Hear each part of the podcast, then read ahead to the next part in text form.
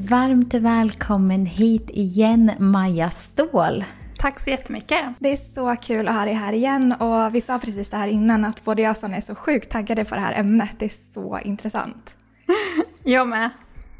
Ja, för idag ska vi djupdyka i eh, mage och tarm, matintoleranstest och ja, men hur man kan stötta tarmen och ja, allt som har med det här ämnet att göra och jag känner verkligen att jag bara vill djupdyka i det här och förstå mer hur man kan stötta kroppen. Mm, verkligen och vi, vi vet ju att det är så många i communityn som också är nyfikna på det här ämnet för det är så stort och komplext men många känner igen sig i ja, men den här typen av symptom som kan vara kopplade till matintolerans. Mm. Och både jag och du Sara har gjort ett matintoleranstest. Yes. För att vi har varit nyfikna på att se om det är så att vi har olika intoleranser. Och för min del, jag har inte jättemycket problem med mage. Eh, men det jag har haft problem med tidigare är ju mer eksem. Men också mer diffusa symptom som till exempel trötthet eller man kan känna sig tungare efter en måltid. Men också för några år sedan när jag åt väldigt mycket vegetariskt så hade jag ju problem med magen. Eh, så det är också att så här, födoämnen, intoleranser kan ju vara connectade till så många andra symptom som man kanske inte tänker på heller. Mm, verkligen. Och för min del så har jag haft IBS i olika grad senaste fem åren egentligen. Med olika som sagt, grad på symptomen så att man har känt att men nu har det nog blivit bättre men så dyker något annat upp och så har det hållit på sådär. Och det har varit svårt att definiera just vad är det som triggar eller vad är det som har hänt som gör att de här symptomen fortsätter att återkomma. Och det mm. vet vi ju att både de symptomen som du beskriver Sanna och mina symptom är ju väldigt vanliga och vi vet att många kvinnor upplever dem och har skrivit till oss och frågat om det. Så det här är super, ett superviktigt ämne att djupdyka i. Och det är ju därför vi har med oss Maja här igen. Som jobbar med just de här typerna av frågor och de här typerna av tester. Eh, som vi ska gå in på. För jag kan själv känna att det är en djungel och också förstå varför man ska göra det, när man ska göra det, men framför allt också att tolka resultatet. Så vi har ju med dig här Maja idag. Mm. Eh. Jättekul att vara här som sagt. Eh, ja, så med tanke på att vi har haft med dig i tidigare avsnitt så har ju vi ändå gått in på mission och allt sånt. Så jag tänker egentligen att vi kör igång. Så om vi börjar i den här änden, vad innebär egentligen ett matintoleranstest och vad är det som det mäter? Ett matintoleranstest skiljer sig ju från den här klassiska Eh, allergin som mäts inom sjukvården som är IgE-antikroppar. Alltså det är olika typer av antikroppar egentligen som man kollar på då. Så både matintoleranstest och vanlig allergitest så kollar man ju på antikroppar i blodet mot olika födoämnen i det här fallet då. Men som sagt, inom vården så kollar man på IgE-antikroppar och i matintolerans kollar man på IgG-antikroppar, alltså G som i Gustav. Mm. Den här så kallade klassiska allergin som man kollar inom vården, den ger ju en akut reaktion. Alltså till exempel att man kanske blir svullen, irriterad, röd eller så. Medan den här IgG-reaktionen är mer en fördröjd reaktion. Så att man känner inte av det direkt utan det kan dröja flera dagar innan man får symptom. Och det är också oftast diffusa symptom. Så att det kan ju vara allt ifrån att man har magproblem till att man har eksem eller huvudvärk eller hjärntrötthet och så vidare. Mm. Ja, men det är det här som är så spännande för att det är exakt det som jag tyckt varit svårt. För att jag har ju tänkt många gånger att ah, men jag kanske borde testa att utesluta gluten. Och du har ju sagt det till mig också Sanna, du bara, du borde verkligen testa. Jag bara, jag vet att det är inom mig. men så har jag ändå varit så här, nej men nu har jag ätit jättemycket gluten och så får jag inga symptom direkt. Jag får inte ont i magen och det här som vissa kan få ganska direkt. Men sen dagarna efter så är inte tarmen alltså, balanserad. Och ja, det har ju visat sig nu att det kanske har funnits då den här korrelansen som jag har behövt att få svart på vitt. Mm. Och det här tycker jag är så himla intressant också för att det är ju det, är det som gör det så svårt att veta när det kommer dagar efteråt. Men någonting som jag har märkt av, för Maja du och jag, du gick ju igenom det här testet med mig, men också actions framöver som vi kommer komma in på, hur man liksom stöttar tarmen och komma till rätta med det här. Men så åt jag flera av de saker som jag hade eh, som var rödmarkerade. Och dagen efter eh, så vaknade jag upp med prickar, alltså en form av typ eksem. Oj. Och jag bara... Det är helt galet för att jag har också ätit flera av de sakerna flera dagar för att vi var iväg. Så då var jag så här, men jag, mm. det är vad det är, jag får liksom köra på det här. Så det är också intressant när man börjar se kopplingen. Men hade du då först undvikit de här Alltså som var under det röda om man säger så. Hade du undvikit det först och sen ätit det när du, var, när du reste? Eh, är det så du menar? Ja, alltså jag hade undvikit att äta vissa saker eh, ganska mycket under typ en vecka. Från att du och jag hade samtalet och sen så blev det att jag åt ganska mycket av de sakerna under typ tre dagar. Mm. Ja men precis, för det, det är ju lite det som det går ut på kan man säga. Därför att när man först undviker det helt det är liksom först då man kan se sen om man tål det eller inte kan man säga. För att tanken med intoleranstest är att man utesluter de här som man reagerar starkt på en viss tid. Och sen introducerar man det igen, ett livsmedel i taget. Och om man då får en reaktion som, som du uppenbarligen fick här nu då, då visar ju det att kroppen inte är redo att äta det igen. Mm. Mm. Och för de som lyssnar, jag tänker, för du har varit inne lite och touchat på det, men bara för att göra det mer tydligt. I vilka fall skulle du rekommendera att ta ett sånt här test? För du jobbar ju ändå med väldigt många klienter. I vilka fall är det som du tänker så här, ja men i ditt fall är det väldigt bra att vi gör ett sånt här test? Om det är en person som har väldigt mycket magproblem, då tänker jag alltid på testet. Eh, även om man kanske har ja, mycket inflammation i kroppen, det kan ju vara i form av ledvärk till exempel, det kan vara hudproblem, alltså eksem, eller det kan vara autoimmuna sjukdomar, med mera, alltså sånt som har med inflammation att göra kan man säga, då, då tänker jag att det här testet passar. Mm. Ja, men det är jättebra, för jag tyckte också att det har varit svårt att veta vilket test jag skulle ta just för att ja, i vilken ände ska man börja? Och det här känns ju som en bra ände att börja om man har magproblem. Ja, men det är det. Jag har ju haft stor nytta av de här testerna. Och att jag säger plural, alltså flera tester, det är för att det finns, alltså det är ju samma typ av test, men man kan välja hur, många eller hur många födoämnen man vill kolla upp. Liksom. Just det, och vi tog ett test där man kollade 80 stycken. Ja, och det är ganska lagom. Så att eh, Holistics test testar ju 80, vilket jag brukar jobba med eftersom att det är ja, men ganska så lagom liksom, mängd födoämnen som kollas upp helt enkelt. Mm. Mm. Och vad skulle du säga är vanliga symptom på allergier eller intoleranser mot olika livsmedel? Um, du menar de här diffusa symptomen jag var inne på? Ja.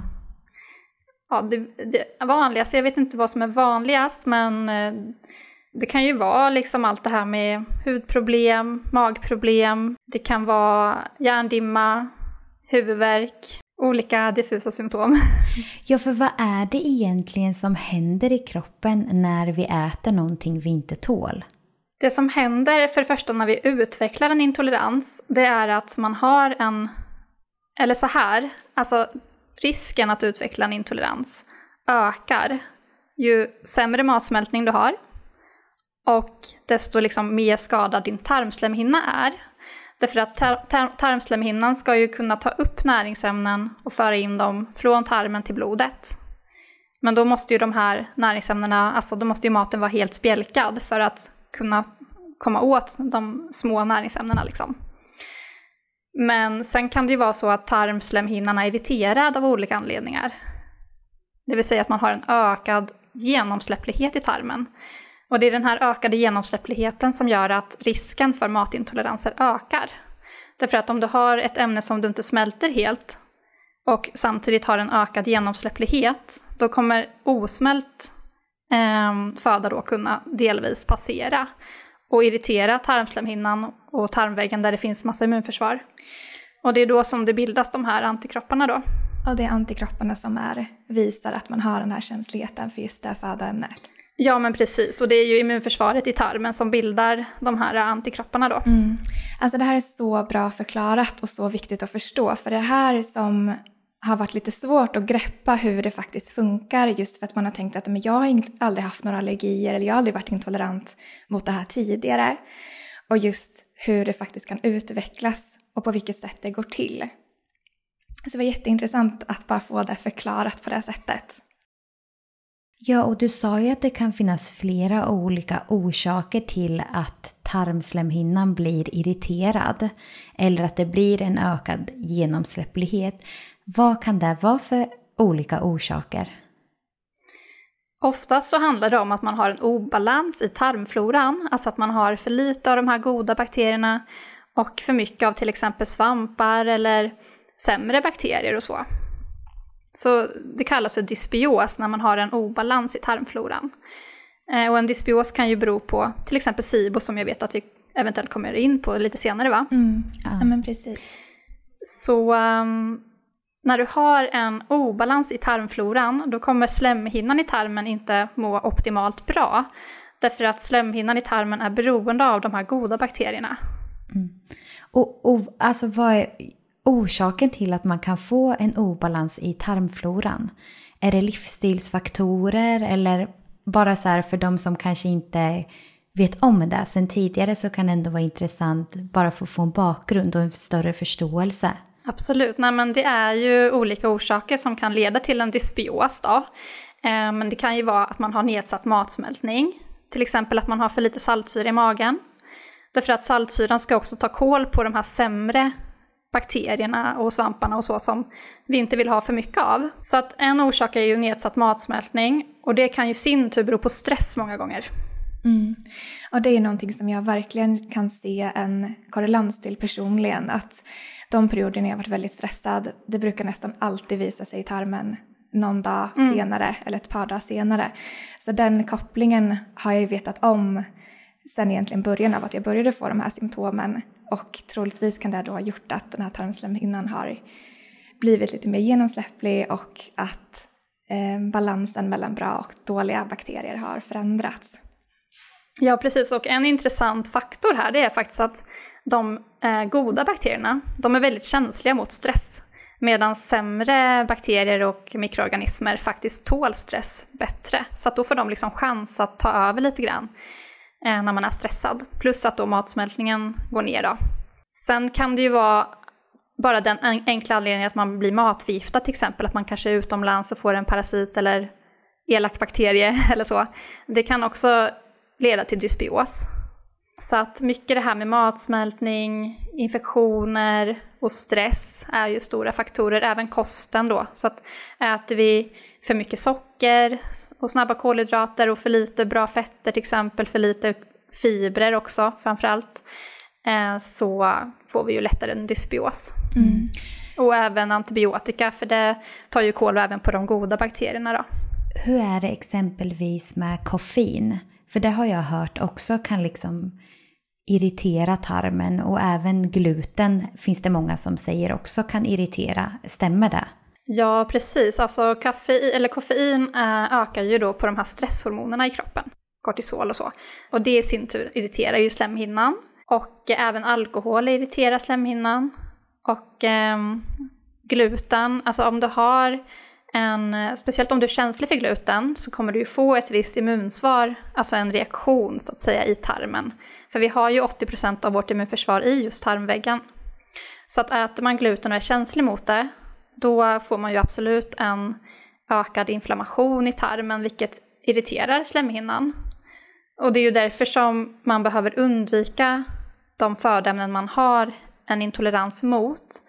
Eh, för att kunna läka slemhinnan eller tarmväggen. Därför att äter du de här, varje gång du äter de här ämnena som du har en, en reaktion på så kommer du få en viss inflammation i tarmen. Mm. Alltså det här, jag känner ju bara att det här stämmer in på alla punkter. Det är liksom, för sockret har jag också kunnat koppla till att när jag ätit mycket verkligen socker så har det också påverkat tarmen på samma sätt som stress.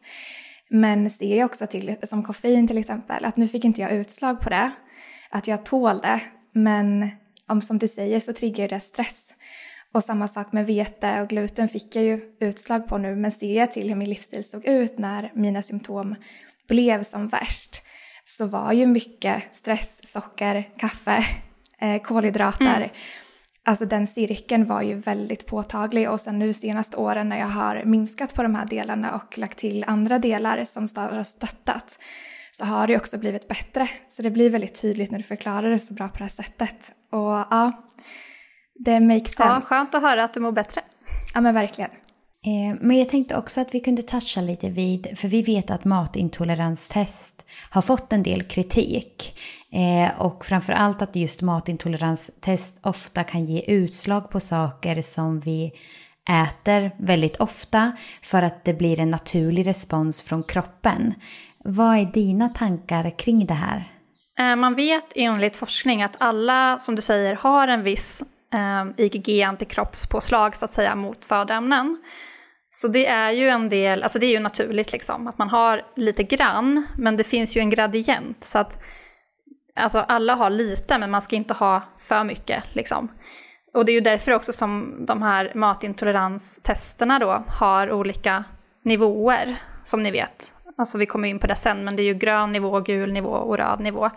Och är det så att man ligger inom det gröna så har man ju lite förhöjda, men inte mycket förhöjda. Och att ha lite förhöjda, det har ju som du säger, all, alltså de flesta. Så det är ju normalt. Men det är just när man får det här att det verkligen ökar. Då, då, är, då är det ju tecken på att det är något som, inte är riktigt, som man inte riktigt tål helt enkelt. Yes. Så att eh, sen är det ju som sagt eh, att har man en helt intakt slemhinna liksom, alltså en helt ja, perfekt, det kanske är fel ord, men om man har en helt hälsosam tarm där man inte har ökad genomsläpplighet alls, liksom, då ska man inte ha förhöjda IgG-antikroppar, utan då ligger det kanske lite förhöjt men inte, alltså ändå inom grönt område. Liksom.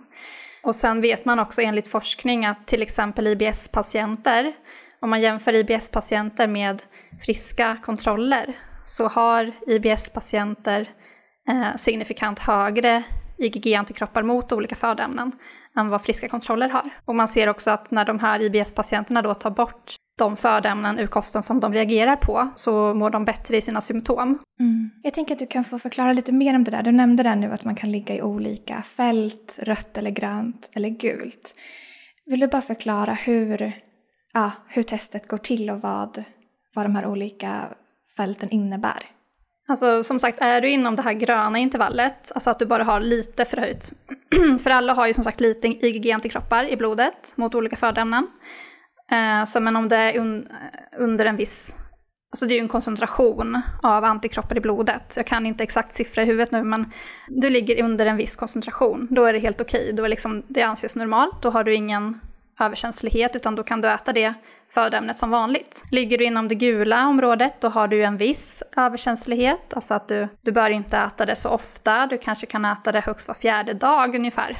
Eh, så att du tål det, fast det kan irritera lite om du äter det mycket. Och sen om du ligger inom det röda området, då har du ju kraftigt förhöjda antikroppar.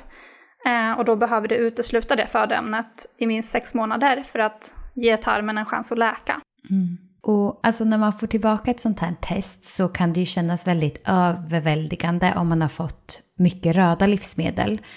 Eh, till exempel men för dig och mig Sara, jag fick ändå rött på några stycken, eh, på sådana saker jag ofta äter. Sen var ju inte det jättemycket rött, där du fick till exempel fler livsmedel än mig. Mm. Men när man har fått rött på flera av de här livsmedlen, måste man utesluta det helt eller räcker det att minska på det? Exempelvis så fick ju både jag och Sara på komjölk och ägg, vilket är någonting som vi äter dagligen, där jag bara hade egentligen på äggvita, men du Sara hade ju på hela ägget. Ja. Kan det hjälpa då att man exempelvis äter det en, två gånger i veckan, det vill säga att man utesluter det inte helt utan bara minskar på det. Kommer det ge någon förbättring? Ja, alltså absolut. Det kommer ge en, en viss förbättring att, eh, att äta det bara sällan, även om det är inom rött.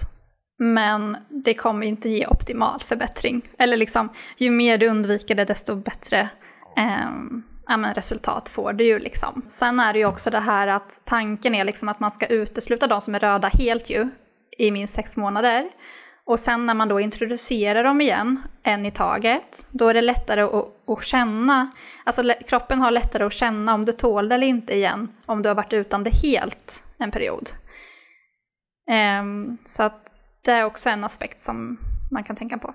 För någonting som jag funderade på med det, för jag fick ju som sagt ganska många röda och många sådana saker som jag äter ofta som komjölk, vete, ägg, Ehm, ja, flertalet nötter och liknande. Och då kan man ju verkligen få den här känslan som du sa Sanna, att det känns överväldigande. Att hur ska jag kunna utesluta allt det här på en gång? Är det någonting, alltså då kan man till exempel börja med att trappa ner lite eller ska man börja med att utesluta en grupp eller är det bäst att köra allt på en gång? Ja, jag tycker att det är bäst att köra det som passar dig för att det ska funka i, din, alltså det ska funka i praktiken.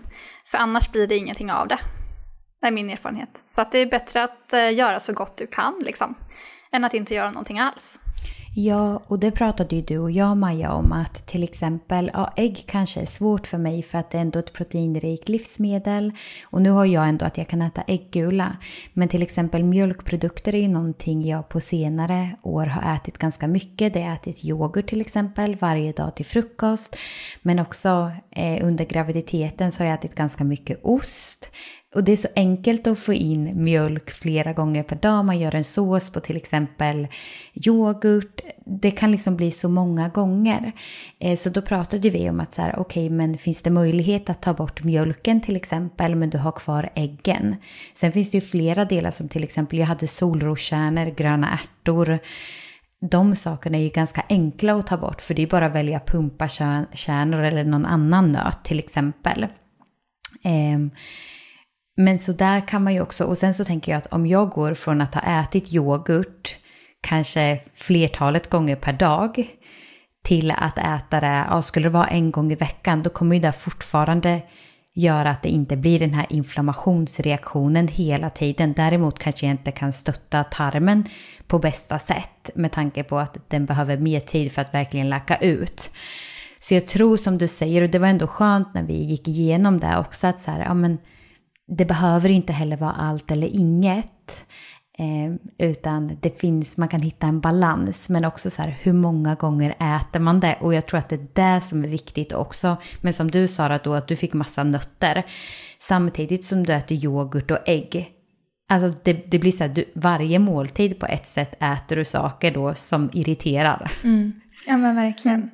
Nej, men jag tror det är jätteviktigt att lyfta det som sagt att var, var kan man börja och kan man minska? För det är samma för mig, ja, men jag har ätit ägg eller yoghurt nästan varje frukost. Att kan jag bara byta ut frukosten då så kommer det göra enorm skillnad om jag äter chia-pudding eller någonting åt det hållet. Att då har jag ju tagit bort en gång per dag som jag får i mig det här konstant. Ja men verkligen. Mm. Och sen är det ju, just frukosten är ju något som många äter samma hela tiden. Verkligen. Och där skulle man ju kunna bara rotera frukosten så har man ju kommit halvvägs liksom. Mm, det är jättebra tips. I dagens avsnitt vill vi tacka vår magiska sponsor Holistic som är ett ledande hälso och kunskapsbolag som vill hjälpa människor att bli mer friska, medvetna och känna balans i livet. Och idag vill vi passa på att tipsa om Holistics hälsotester. De har bland annat ett eh, matintoleranstest som vi båda två har gjort eh, och som har varit väldigt givande för oss. Och utöver det så har de även andra tester för exempelvis mage och tarm, hormontester och näringstester. Ja, och det vi älskar med att göra den här typen av tester när man misstänker att man har någon obalans eller brist, det är ju att det ger svar svart på vitt hur statusen i kroppen ser ut. Vilket gör att man kan ta riktade actions som inte blir gissningar, utan man ser vilka kosttillskott och livsstilsförändringar man verkligen behöver. Och det är helt enkelt bra verktyg för att förstå sig på sin kropp och kunna optimera sin hälsa. Och om man är osäker på vilket test man ska ta så går det alltid bra att kontakta Holistic så kan de vägleda dig. Mm, vi har fått jättemycket hjälp därifrån. Och någonting som vi har grottat ner oss i är ju när det kommer till mage och tarm.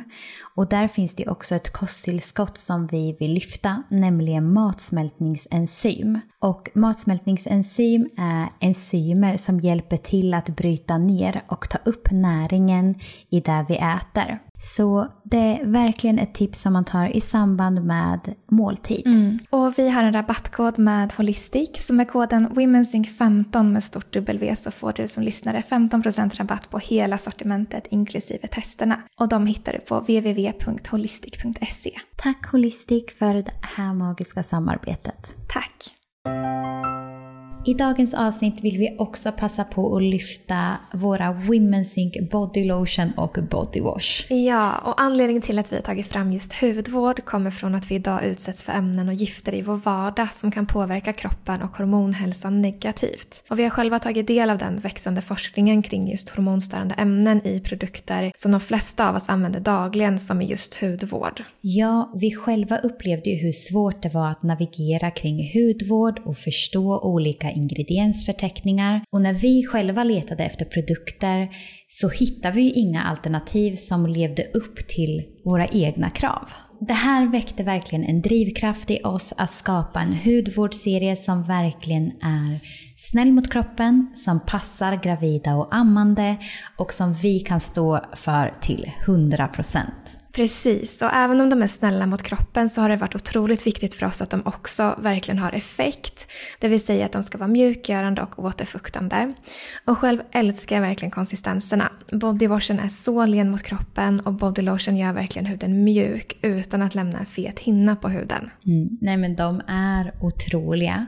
Och för att göra dem så närande som möjligt för huden så har vi fokuserat på att använda ingredienser som finns naturligt i huden och och som stärker och upprätthåller en hälsosam hudbarriär såsom exempelvis kvalen, E-vitamin och vitamin B3. Ja, precis. Och en viktig aspekt i framtagandet av hudvården är att vi har gjort dem parfymfria. Och det är eftersom att parfym är ett samlingsbegrepp som kan innehålla hundratals olika ämnen. Och de är även fria från PFAS, parabener, ftalater, BPA, mikroplaster och mineraloljor. Ja, och vi får ju ofta frågor vad vi använder och vi använder ju enbart de här produkterna nu och kommer att göra för resten av vår framtid. Och framförallt nu när vi är gravida eftersom att de passar lika bra inför för, under och efter en graviditet. Men de passar ju även för de som har känslig hud eller man har olika allergier eller bara för dig som är medveten och söker efter alternativ som är snälla mot huden. Mm. Och produkterna är också veganska och producerade här i Sverige.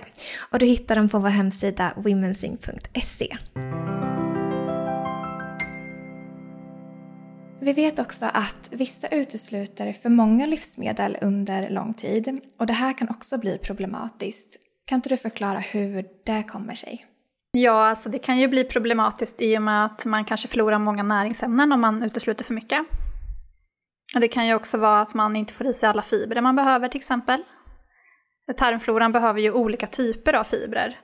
Både kanske från grönsaker, frukter, bär, nötter, bönor och linser och så. Så att utesluter man väldigt många olika födoämnen så får man ju, alltså risken är ju att man kan få eh, brister, näringsbrister och även en mindre mångfald i tarmfloran. Mm. Och det var ju någonting som men du tryckte på också holistiskt när jag pratade med dem att så här, det är jätteviktigt hur man gör tolkningen och analysen av testet. Att man gör det med en expert så man verkligen förstår konsekvenserna av det. Men också att så här, hamnar man i det gula fältet då kanske grundproblematiken handlar om matsmältning och inte alltid att så här, du är superallergisk mot det. Så att man också kan identifiera vad är grundorsaken innan man väljer bort någonting exempelvis. Absolut, och jag, jag stöttar alltid matsmältningen eh, när man har intoleranser. I och med att det kan vara en stor orsak till att man utvecklar dem. Så eh, att ta till exempel enzymer till maten det är ju all, ett allmänt råd när man har mycket intoleranser faktiskt. Mm. Vi tänkte faktiskt komma in på det nu, det här med att stötta matsmältningen. Och man kan göra det på flera olika sätt. Och nu nämnde du eh, matsmältningsenzym. Men vad innebär att stötta matsmältningen och hur länge behöver man göra det? Ja, vad innebär det? Alltså man kan ju stötta matsmältningen på olika sätt. Eh, en faktor är ju det här med stressen, så att, att bara stressa ner sitta och äta i lugn och ro, det är ju en, en stor grej liksom för att stötta matsmältningen. Även att tugga ordentligt, så att man verkligen tuggar sönder maten innan man sväljer, för att i magsäcken har vi inga tänder. vi knådar ju maten i magsäcken men det är inga tänder där. Och sen är det ju att stötta upp då med tillskott, alltså det kan vara enzymer, det kan vara saltsyratillskott. Eh, man kan också dricka lite citronvatten en halvtimme innan maten till exempel för att stimulera den egna produktionen av saltsyra i magen. Mm.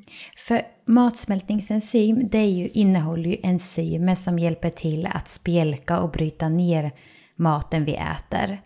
Men saltsyra, vad, vad innebär det mer specifikt? Och hur kommer det sig att många har brist eller obalans på det? Eh, saltsyratillskott, det är egentligen betainhydroklorid kallas det. Och det är alltså kloridjoner som man tar som tillskott och, och det bidrar då till att man bildar mer saltsyra i magen.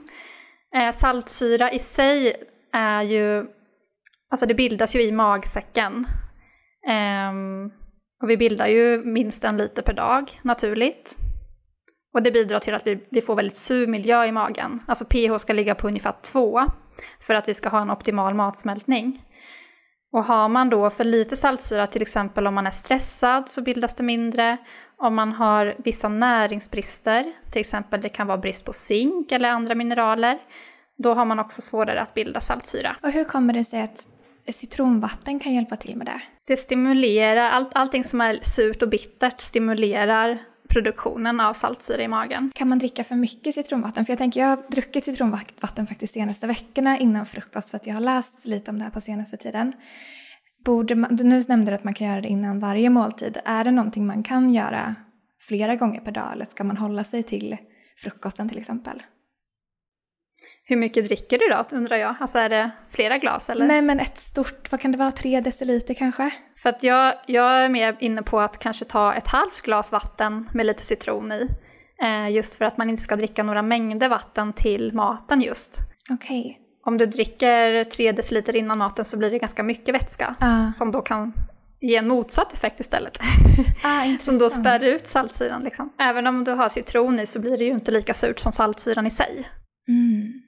För jag använder typ en halv citron då, men då är det bättre att ta det på ett lite mer koncentrerat vattenintag. Ja, alltså du kan ju ta bara en, alltså en liten skvätt citron i ett halvt glas vatten. Så att det blir syrligt ändå. För, funkar det på samma sätt då med till exempel, för du sa just det här med sura, med äppelcidervinäger exempelvis? Ja men absolut. Eh, och de här bittra smakerna, är det därför man också kan använda olika örter? Eh, till exempel för att stötta matsmältning. Ja men precis, och då är det ju till exempel maskros, rucola, det kan man ju äta till maten. Eh, salladen innan man börjar äta den stora måltiden liksom. Mm. Alltså. Och sen finns det ju som du säger också örter, alltså som man kan ta som tinkturer eller så. kan man ju också göra. Mm. Ja, men det är så intressant för vi är verkligen insnöade på det här med örter för att stötta matsmältningen eh, och det är en av våra produkter som vi tar fram till hösten eh, just för okay. mage och tarm. Så det är så himla intressant. Men det kan ju ändå vara en good heads up för de som dricker citronvatten eller äppelcidervinäger att dricka med sugrör för att inte skada tänderna. Ja, det är sant. Mm. Man ska vara rädd om sina tänder. Absolut. Vi tänkte att vi skulle gå in lite mer på det här med frukost som vi pratade lite om nyss. Vad har du för tips på frukost som inte innehåller komjölk, gluten eller ägg? För det här är ju livsmedel som vi båda fick rätt på, jag fick rätt på alla tre och du fick rätt på två av dem, Sanna. Och det här är någonting som jag kan tänka mig att många har känslighet för, men som också är en så grundläggande del i vad vi svenskar i alla fall ser som en vanlig frukost. Det skulle vara jätteintressant att höra hur, hur du resonerar kring det. Eh, jag skulle rekommendera chiapudding med kokosmjölk till exempel.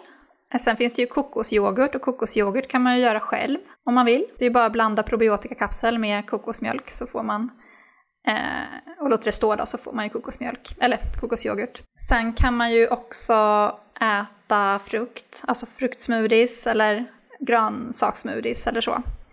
Eh, och vissa äter ju faktiskt vanlig mat till frukost. För det är också intressant, jag fick ju inga inga liksom röda livsmedel på till exempel vanlig mat. Jag fick på potatis till exempel, men om man kollar på kött och protein så fick jag ju inte någonting rött där. Så vanlig mat kan ju verkligen vara ett alternativ. Eh, mm, men jag vet absolut. också att för många känns det väldigt långt bort för att man är van vid den här frukostkulturen.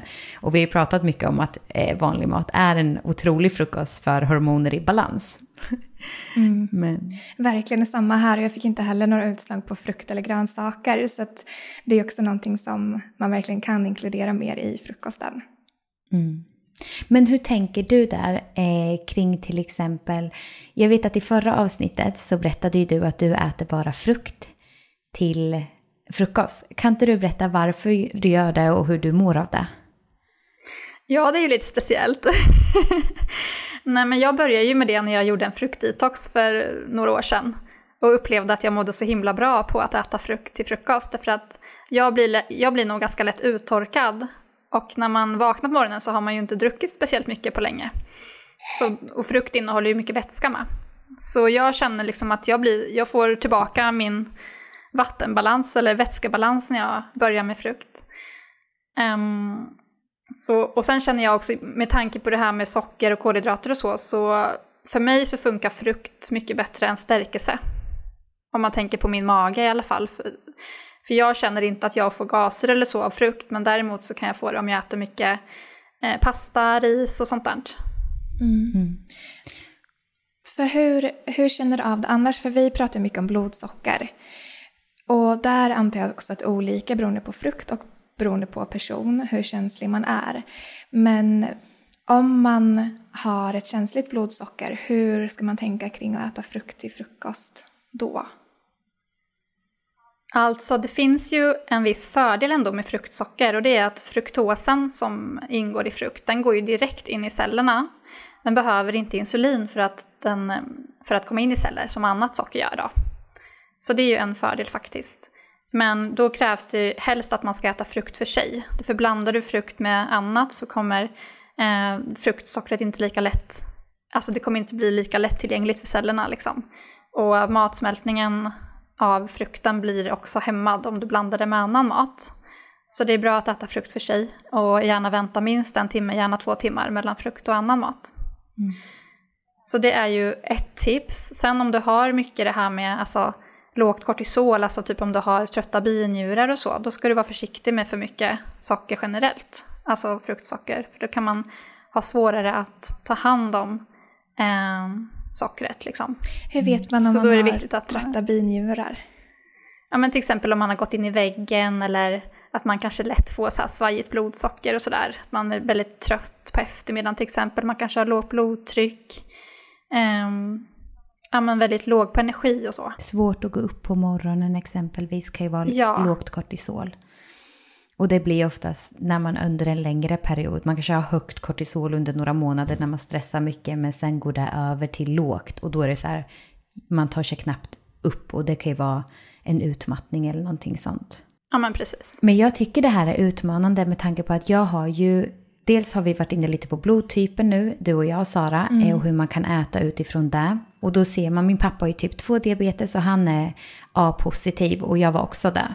Och där så har man ju en ökad benägenhet för till exempel blodsockerproblematik och diabetes. Och jag har ju sett tidigare när jag har ätit mer kolhydrater i förhållande till fett och protein hur det faktiskt på vissa markörer visade på att mitt eh, ja, att blodsockret var lite obalanserat. Så jag tycker det är så himla svårt att navigera här när det kommer till just protein och fett versus kolhydrater. Vad, vad fixar min kropp? Vad fixar den inte? Så ja, det är ju verkligen supersvårt tycker jag att navigera här. Ja, och man får ju känna efter själv också vad man, vad man mår bäst på. Liksom. Mm. No så det är ju individuellt. Ja, men någonting jag tyckte var bra att du sa i samtalet att just med fett och protein, att det är viktigt för att balansera blodsockret, men där man inte får glömma är ju också fibrer. Att det är också otroligt bra för att balansera blodsockret. Ja, gud ja. Fibrer är jätteviktigt här. Mm. En annan fråga gällande frukost, du nämnde smoothie. Och det är någonting som man kan göra på så många olika sätt. Att där kan man ju ha i mer protein och fett. Att man kan göra en mix som kanske blir lite mer blandad.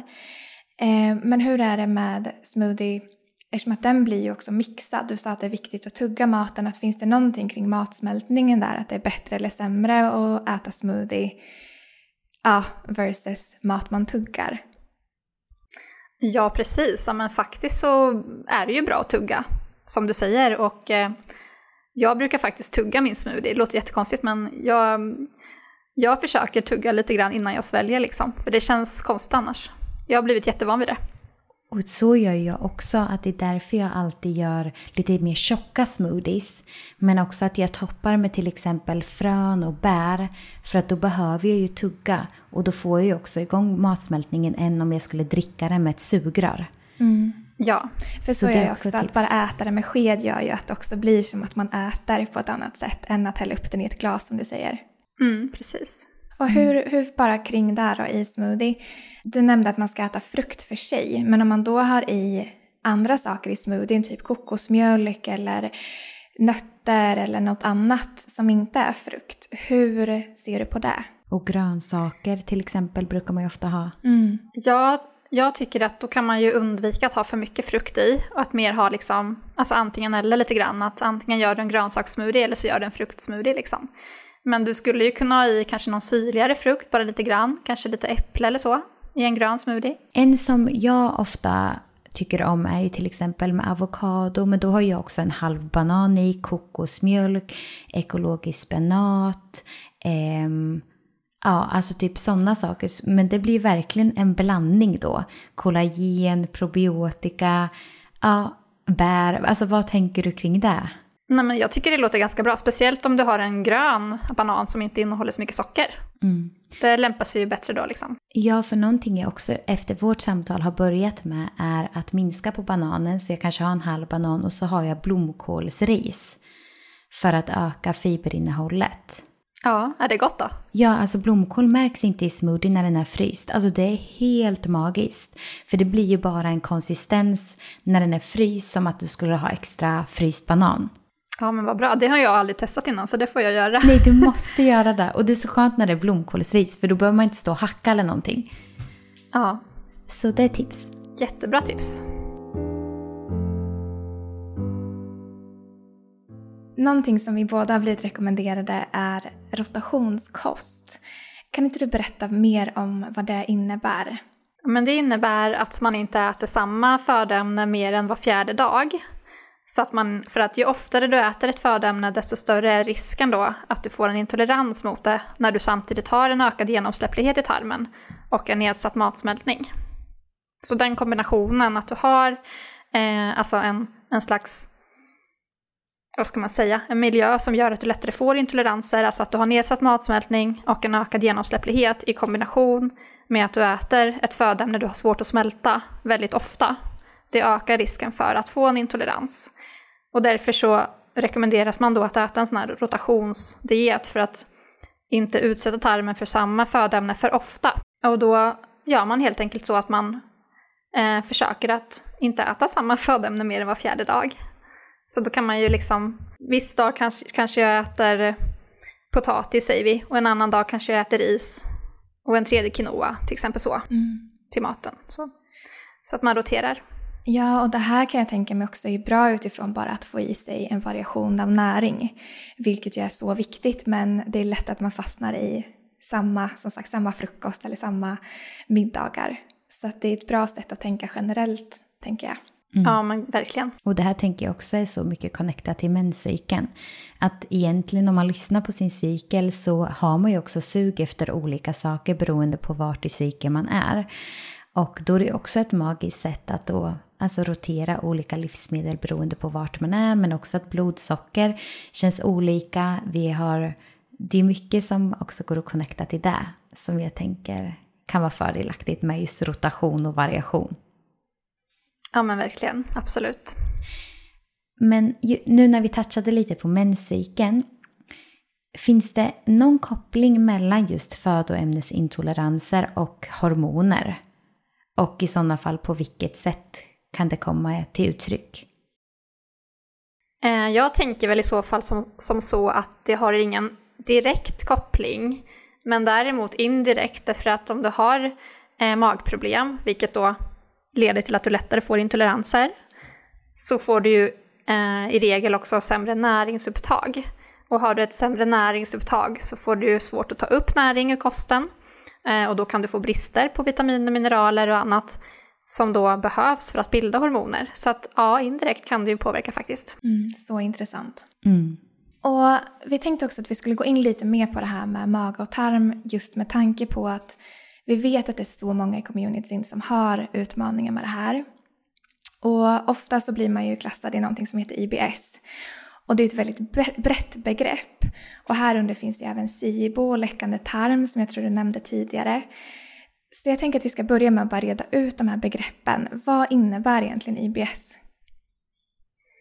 IBS det står ju för irriterad tarm.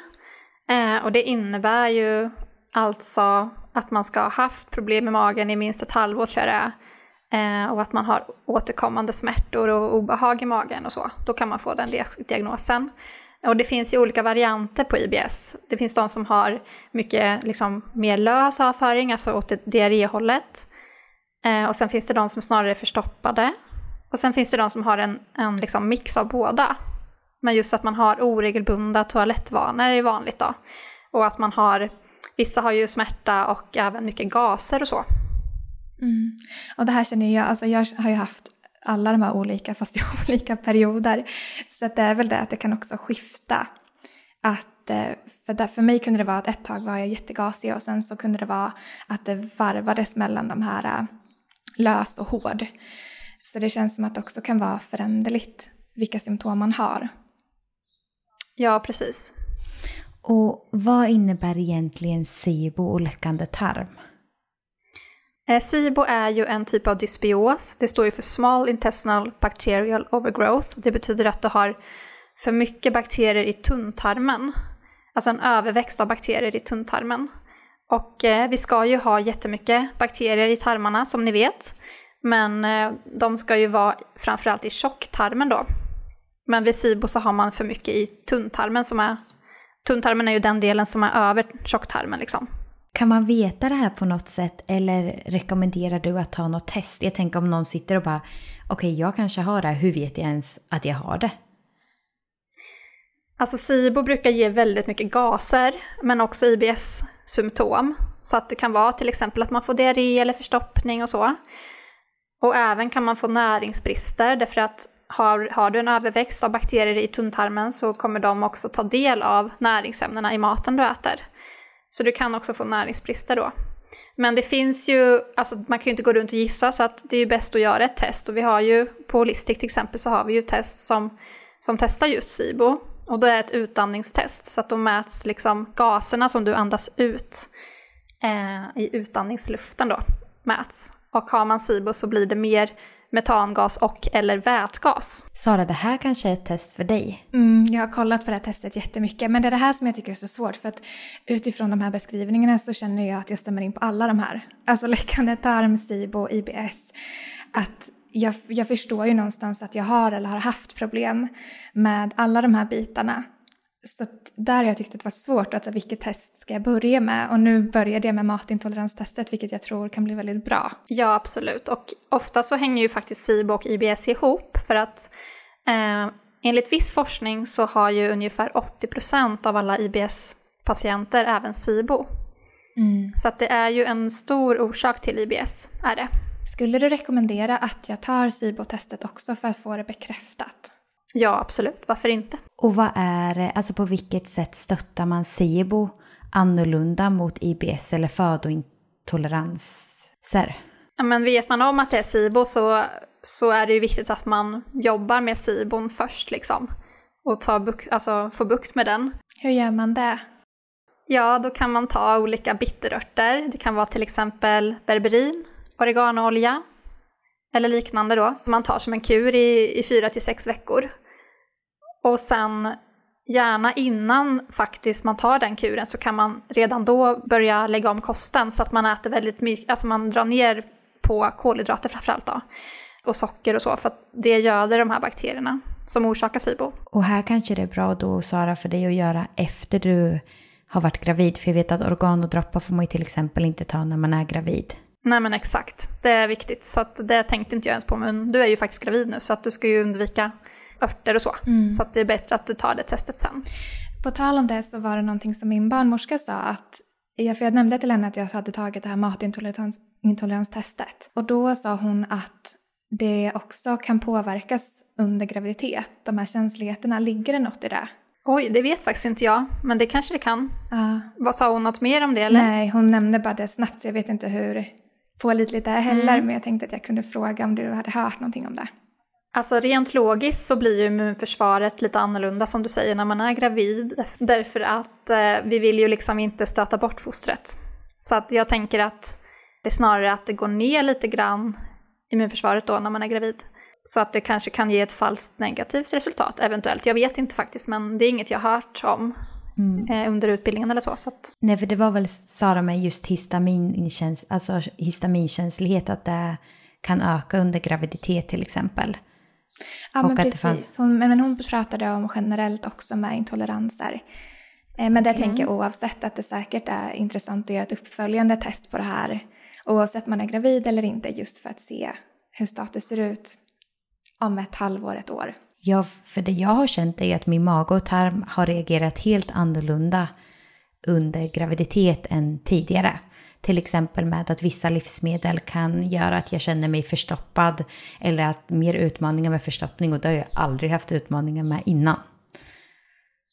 Ja, och det är ju också för att östrogen och progesteron som ökar väldigt mycket när man är gravid påverkar ju också tarmen och det, känner, det kan ju vissa kvinnor känna även om man har PMS eller mens och sådär. Det kan ju alltså, påverka till exempel om man blir förstoppad eller lös i magen eller ja. Mm. Mm.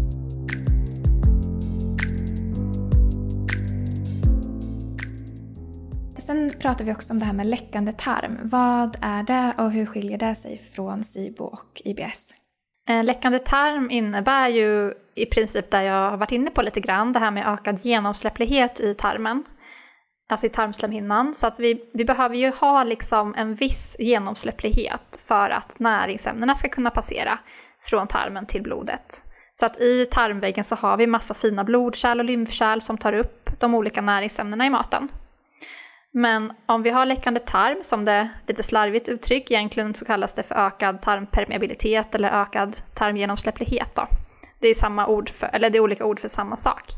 Men man kan ju ha mer eller mindre ökad genomsläpplighet. Så att till exempel om man har en väldigt irriterad tarmslemhinna eh, som ses vid celiaki, om man inte undviker gluten och har celiaki, då får man ju liksom att tarmslemhinnan blir riktigt skadad. Så att till och med tarmludden förstörs liksom. Eh, och då har du ju absolut en läckande tarm. Vilket då innebär att större partiklar kan börja passera som inte ska kunna passera egentligen då. Och det ökar ju också det här immunsvaret eftersom att vi har 80% av immunförsvaret i just tarmens väggar. Så att läckande tarm är egentligen att vi får en ökad genomsläpplighet. Sen kan den vara som sagt mer eller mindre eh, allvarlig genomsläpplighet liksom. Men eh, Ja. Nej, för där sa ju du till mig att med tanke på att jag ändå hade några röda fält på just födoämnen så sa du att jag kanske inte har liksom läckande tarm på det sättet men jag har en viss alltså, nivå av läckande tarm med tanke på att jag ändå får rött på de här. Eller hur var det? Ja, precis. Alltså jag kan inte säga exakt hur mycket ökad genomsläpplighet du har, men du har ju en viss ökad genomsläpplighet, för annars hade du inte haft alltså, de här intoleranserna förmodligen. Um, men jag har ju sett värre fall, det var mer så, alltså typ att jag kan tänka mig att det finns värre, absolut. Men vad heter det, om man vill kolla just läckande tarm så finns det ju faktiskt tester för det också. Uh, och då finns det till exempel, på Holistic så har vi något som heter sonolintest. Och då testas ett ämne som heter sonulin då i avföringen. Ehm, och sonulin är ju alltså ett protein som ökar i tarmen, eller som kan leda till att du får läckande tarm. Alltså, sonulin ökar till exempel av gluten, beroende på hur känslig du är, men mer eller mindre hos alla. Och då, alltså de här cellerna som bygger upp tarmens vägg, liksom, eller tarmslemhinnan, eh, de cellerna sitter ihop med varandra via typ fogar, alltså stygn kan man säga. Ser ut som små stygn, fast det är ju inte stygn, man... för att förenkla det hela så kan vi säga att det är som stygn mellan cellerna. Och de här stygnen, de luckras liksom upp av sonulin, eh, som då ökar av till exempel gluten. Så att det är en anledning till att man kan få ökad genomsläpplighet, att just de här stygnen, eller tight junctions kallas de, att de då öppnas liksom, och inte stängs som de ska. Men är det skillnad på läckande tarm och SIBO? Det är två helt olika saker. Absolut. Men däremot så kan SIBO leda till läckande tarm. ja, för jag tänker att jag känner inte riktigt igen mig i SIBO med tanke på att jag annars är väldigt så regelbunden med att gå på toa och jag har inte mycket problem med mage och tarm. Men jag tänker för dig Sara så känns det som att SIBO skulle kunna vara någonting för dig. Någonting, alltså dina symptom visar ju mer på det. Men skulle det kunna vara så att jag kanske har lite läckande tarm men Sara till exempel har mer SIBO och till exempel läckande tarm? Ja, gud ja. Mm. För det är det jag tänker också att utifrån också vad testet visade så har jag ju obviously läckande tarm. Men utifrån mina tidigare symptom och hur länge och vilken typ av IBS jag haft så känns det ju som att jag definitivt har eller har haft SIBO också. Så om vi ska gå in nu på då hur man läker de här olika delarna vi kanske kan börja med läckande tarm eftersom att vi pratade om det. Hur, hur läker man läckande tarm på bästa sätt? Alltså att läka själva tarmslemhinnan, eh, då är det ju ett sätt faktiskt att börja med kosten, att undvika de här ämnena då som irriterar slemhinnan. Så att det är ju de, de födoämnen som du har antikroppar mot, alltså som du har rött på framförallt då. Så det är ju en del. Eh, en annan del är att stötta matsmältningen så att du inte får fler intoleranser. Och att du liksom, ja, stöttar matsmältningen generellt är ju bra för hela systemet liksom. Det är också viktigt för tarmfloran. Därför att om du inte smälter maten så kan osmält föda fungera som mat till sämre bakterier och så. Så att det är viktigt att stötta både alltså kosten och eh, matsmältningen. Men sen också så kan man ta läkande ämnen då för tarmen som tillskott. Och det kan vara till exempel L-glutamin som är en aminosyra då som de här tarmcellerna som jag pratade om förut, de eh, mår väldigt bra på L-glutamin, det är som energi för dem. Intressant. Ja, för jag tänkte bara där vid glutamin, för det finns ju i ren kosttillskott. Men glutamin är också en del i till exempel kollagen. Som en av anledningarna till att vi intar kollagen, Sara, framför allt är ju för att stötta mage och tarm och då är det just glycin och glutamin. Mm. Och det här har jag eh. känt har varit jättebra. Men, men man kan också ta glutamin mer i en ren form. Kan man bara köpa hem det själv utan att egentligen fått någon vägledning eller kan, man, kan det bli att man överdoserar på något sätt om man tar det i ren form? Nej, alltså det står ju på förpackningen hur mycket du ska ta. Sen ska du inte ta mer än det, men, men så länge du följer det som står på förpackningen så är det ingen fara. Mm. Mm. Så då för att stötta matsmältning kan det vara matsmältningsenzym. Jag har själv använt Holistic som jag tycker funkar jättebra länge. Och sen kan det vara glutamin exempelvis. Och kollagen och benbuljong är ju bra livsmedel där, det, där man kan stötta. Ja, och alltså L-glutamin och kollagen det är ju mer för att läka slemhinnan. Medan enzymer är ju för matsmältningen. Mm. Och det var läckande tarm. Hur skiljer sig läkandet av SIBO? SIBO, då behöver du mer gå in på det här med bitterörter och alltså väldigt mycket matsmältning och mycket det här med kosten. Förutom matintoleranser som du kanske har så är det viktigt att du drar ner på eh, mycket socker och stärkelse och alltså sådana kolhydrater som, som kan göda då de här bakterierna. Och om man kollar också på IBS då, skiljer det sig åt mot SIBO och läckande tarm? IBS är ju väldigt likt SIBO skulle jag säga. Mm skulle absolut gå in och stötta matsmältningen, se över intoleranser eh, och eventuellt om du har mycket gaser till exempel att även ta till exempel organolja eller berberin eller så för att, som en kur då. För att få ordning på tarmfloran också. Ja, men det här är jätteintressant. Så bara för att sammanfatta, för jag tror att det säkert är fler än jag som känner att i vilken ände ska man börja? Att om man misstänker att man har SIBO så kan man göra ett SIBO-test för att få det bekräftat. Men man kan också stötta med örter, matsmältning, ta bort saker man inte kanske tål. Och då har man ändå börjat på en bra grund. Ja, precis. Sen är det ju viktigt att man stöttar upp den goda tarmfloran, alltså de goda bakterierna och så med tiden. Så att när du mår typ 90% bättre, om du har IBS och du, och du gör det här tipsen som jag sa först nu då med matsmältningen och så vidare. Um, och sen låter du, alltså du lever så ett tag och du kanske mår efter ett tag 90% bättre. Då kan du börja sätta till då, alltså fibrer och goda bakterier och sådär. För att bygga upp din tarmflora igen. Mm. Och jag tänker det med både SIBO och läckande tarm, att man kan läka det. Att båda de här delarna är saker man kan läka. Absolut. Mm. Jag tänker att det är bara fint att få höra, för ibland kan det kännas som att det är så svårt att läka de här sakerna, men jag känner att man får väldigt mycket hopp när det blir så konkret. Ja, och man får ju räkna med att det inte är en quick fix, utan det tar ju tid att, att komma till rätta med de här problemen. Men det går absolut att, eh, att, att bli av med det. Ja, och jag tänker också att Alltså som du säger Sara och som jag också upplevt är att man faktiskt på kort tid att bara genom att inte äta vissa saker så kan man ju känna en stor skillnad. Eller till exempel det här med stressen. Eller att dricka citronvatten, stötta med matsmältningsenzym. Med små medel kan man ju faktiskt ganska direkt också känna att man inte får vissa symptom. Eller till exempel som för dig koffein, gluten. Så det finns ju många mm. saker som kan irritera och störa som kan vara på god väg. Men sen för att verkligen, verkligen läka tarmen, då kanske det krävs fler månader och vara mer konsistent under en period.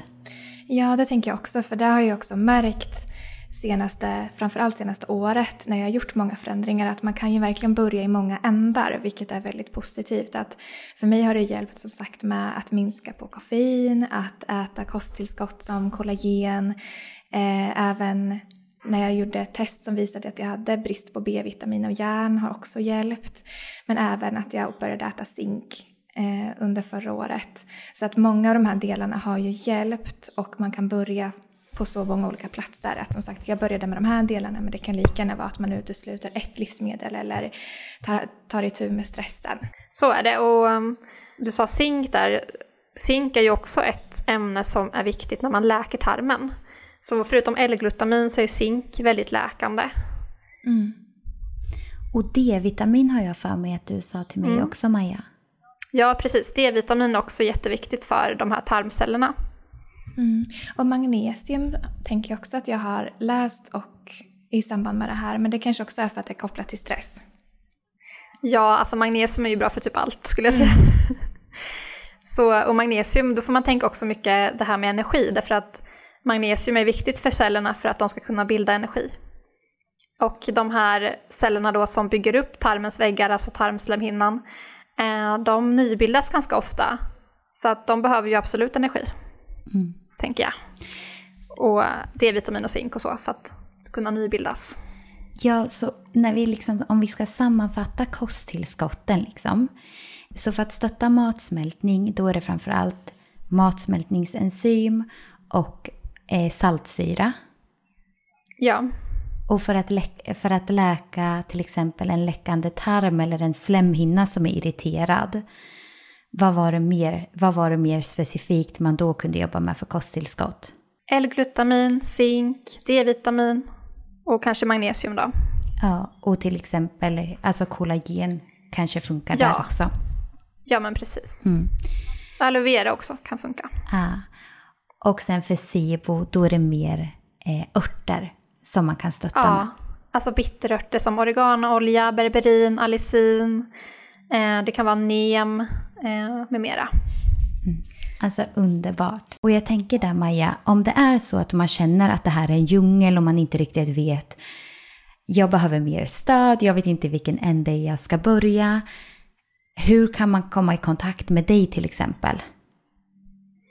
Ja, man kan eh, kontakta mig på min mejl, eh, maja majaskostrad.se så kan vi komma överens om en tid eh, och så. Så ja. det går jättebra. Och, det... och sen kan man ju också gå in på holistic.se och kolla på test. Vi har ju flera matintoleranstester, eh, vi har eh, SIBO-test bland annat med mera då.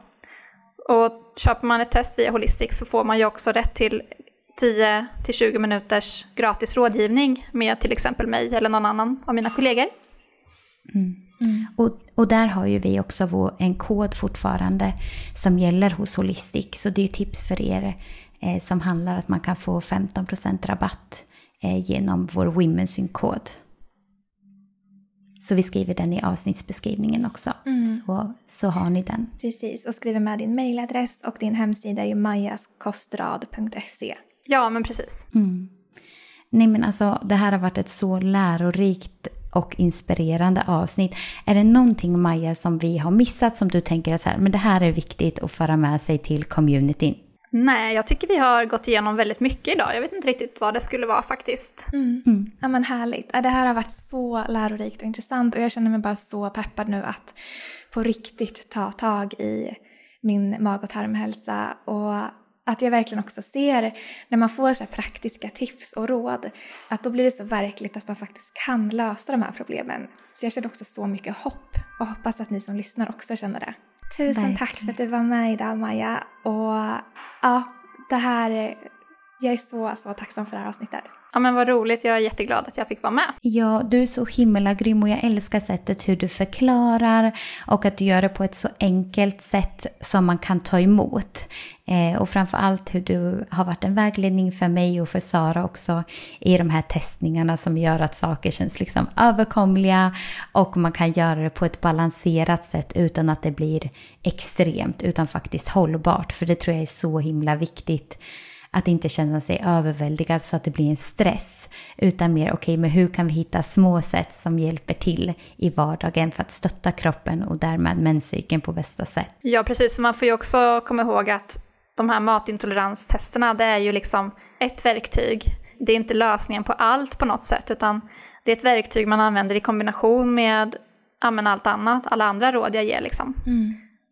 Men det blir så det blir också inspirerande just för att man vill hitta någonting som funkar på lång sikt och som snarare blir kul att, att fokusera på och justera till än att det ska kännas som måsten och jobbigt och svårt. Så det, ja, du är väldigt bra på att förmedla det på ett sätt som känns positivt och eh, läkande. Ja men vad kul att höra. Men jag tänkte på det att eh, ja, men alltså, är man stressad över det då blir det ju inte heller bra som ni säger för att ja, men, vi vet ju nu att stress också irriterar tarmen. Så det är viktigt att man inte får stresspåslag. Det är inte meningen att man ska må sämre av att ändra sin kost liksom. Utan det ska ju vara roligt och eh, motiverande. Verkligen. Men tack snälla Maja för idag och jag ser fram emot att höras framöver också. Ja, tack så mycket. Tusen Massa tack. kärlek, underbart. Vi vill bara passa på att lyfta Chica Roast som är en så uppskattad produkt både för egen del och av er kvinnor i communityn. Chica Roast är gjord på roten cikoria som rostas till ett pulver som du enkelt blandar med hett vatten till en fyllig värmande dryck. Och det bästa av allt är att den är koffeinfri och fri från tillsatser och är ekologiskt producerad i Europa. Ja, och vi älskar ju Chica Roast. Den är så god. Den påminner om kaffe i smaken men inslag av choklad och lite sötma. Och för oss har Chica Roast verkligen varit en game changer för att kunna minska på vårt koffeinintag. Och det här är verkligen det bästa substitutet till kaffe som vi någonsin har testat. Verkligen. Och personligen sen jag minskat på koffein och började dricka Chica Roast så har min IBS blivit bättre då den till stor del var väldigt stressrelaterad. Och jag sover också bättre och har minskat min oro och ångest. Så ja, en game changer helt enkelt. Om du vill testa Chica Roast så hittar du den på vår hemsida www.womensync.se.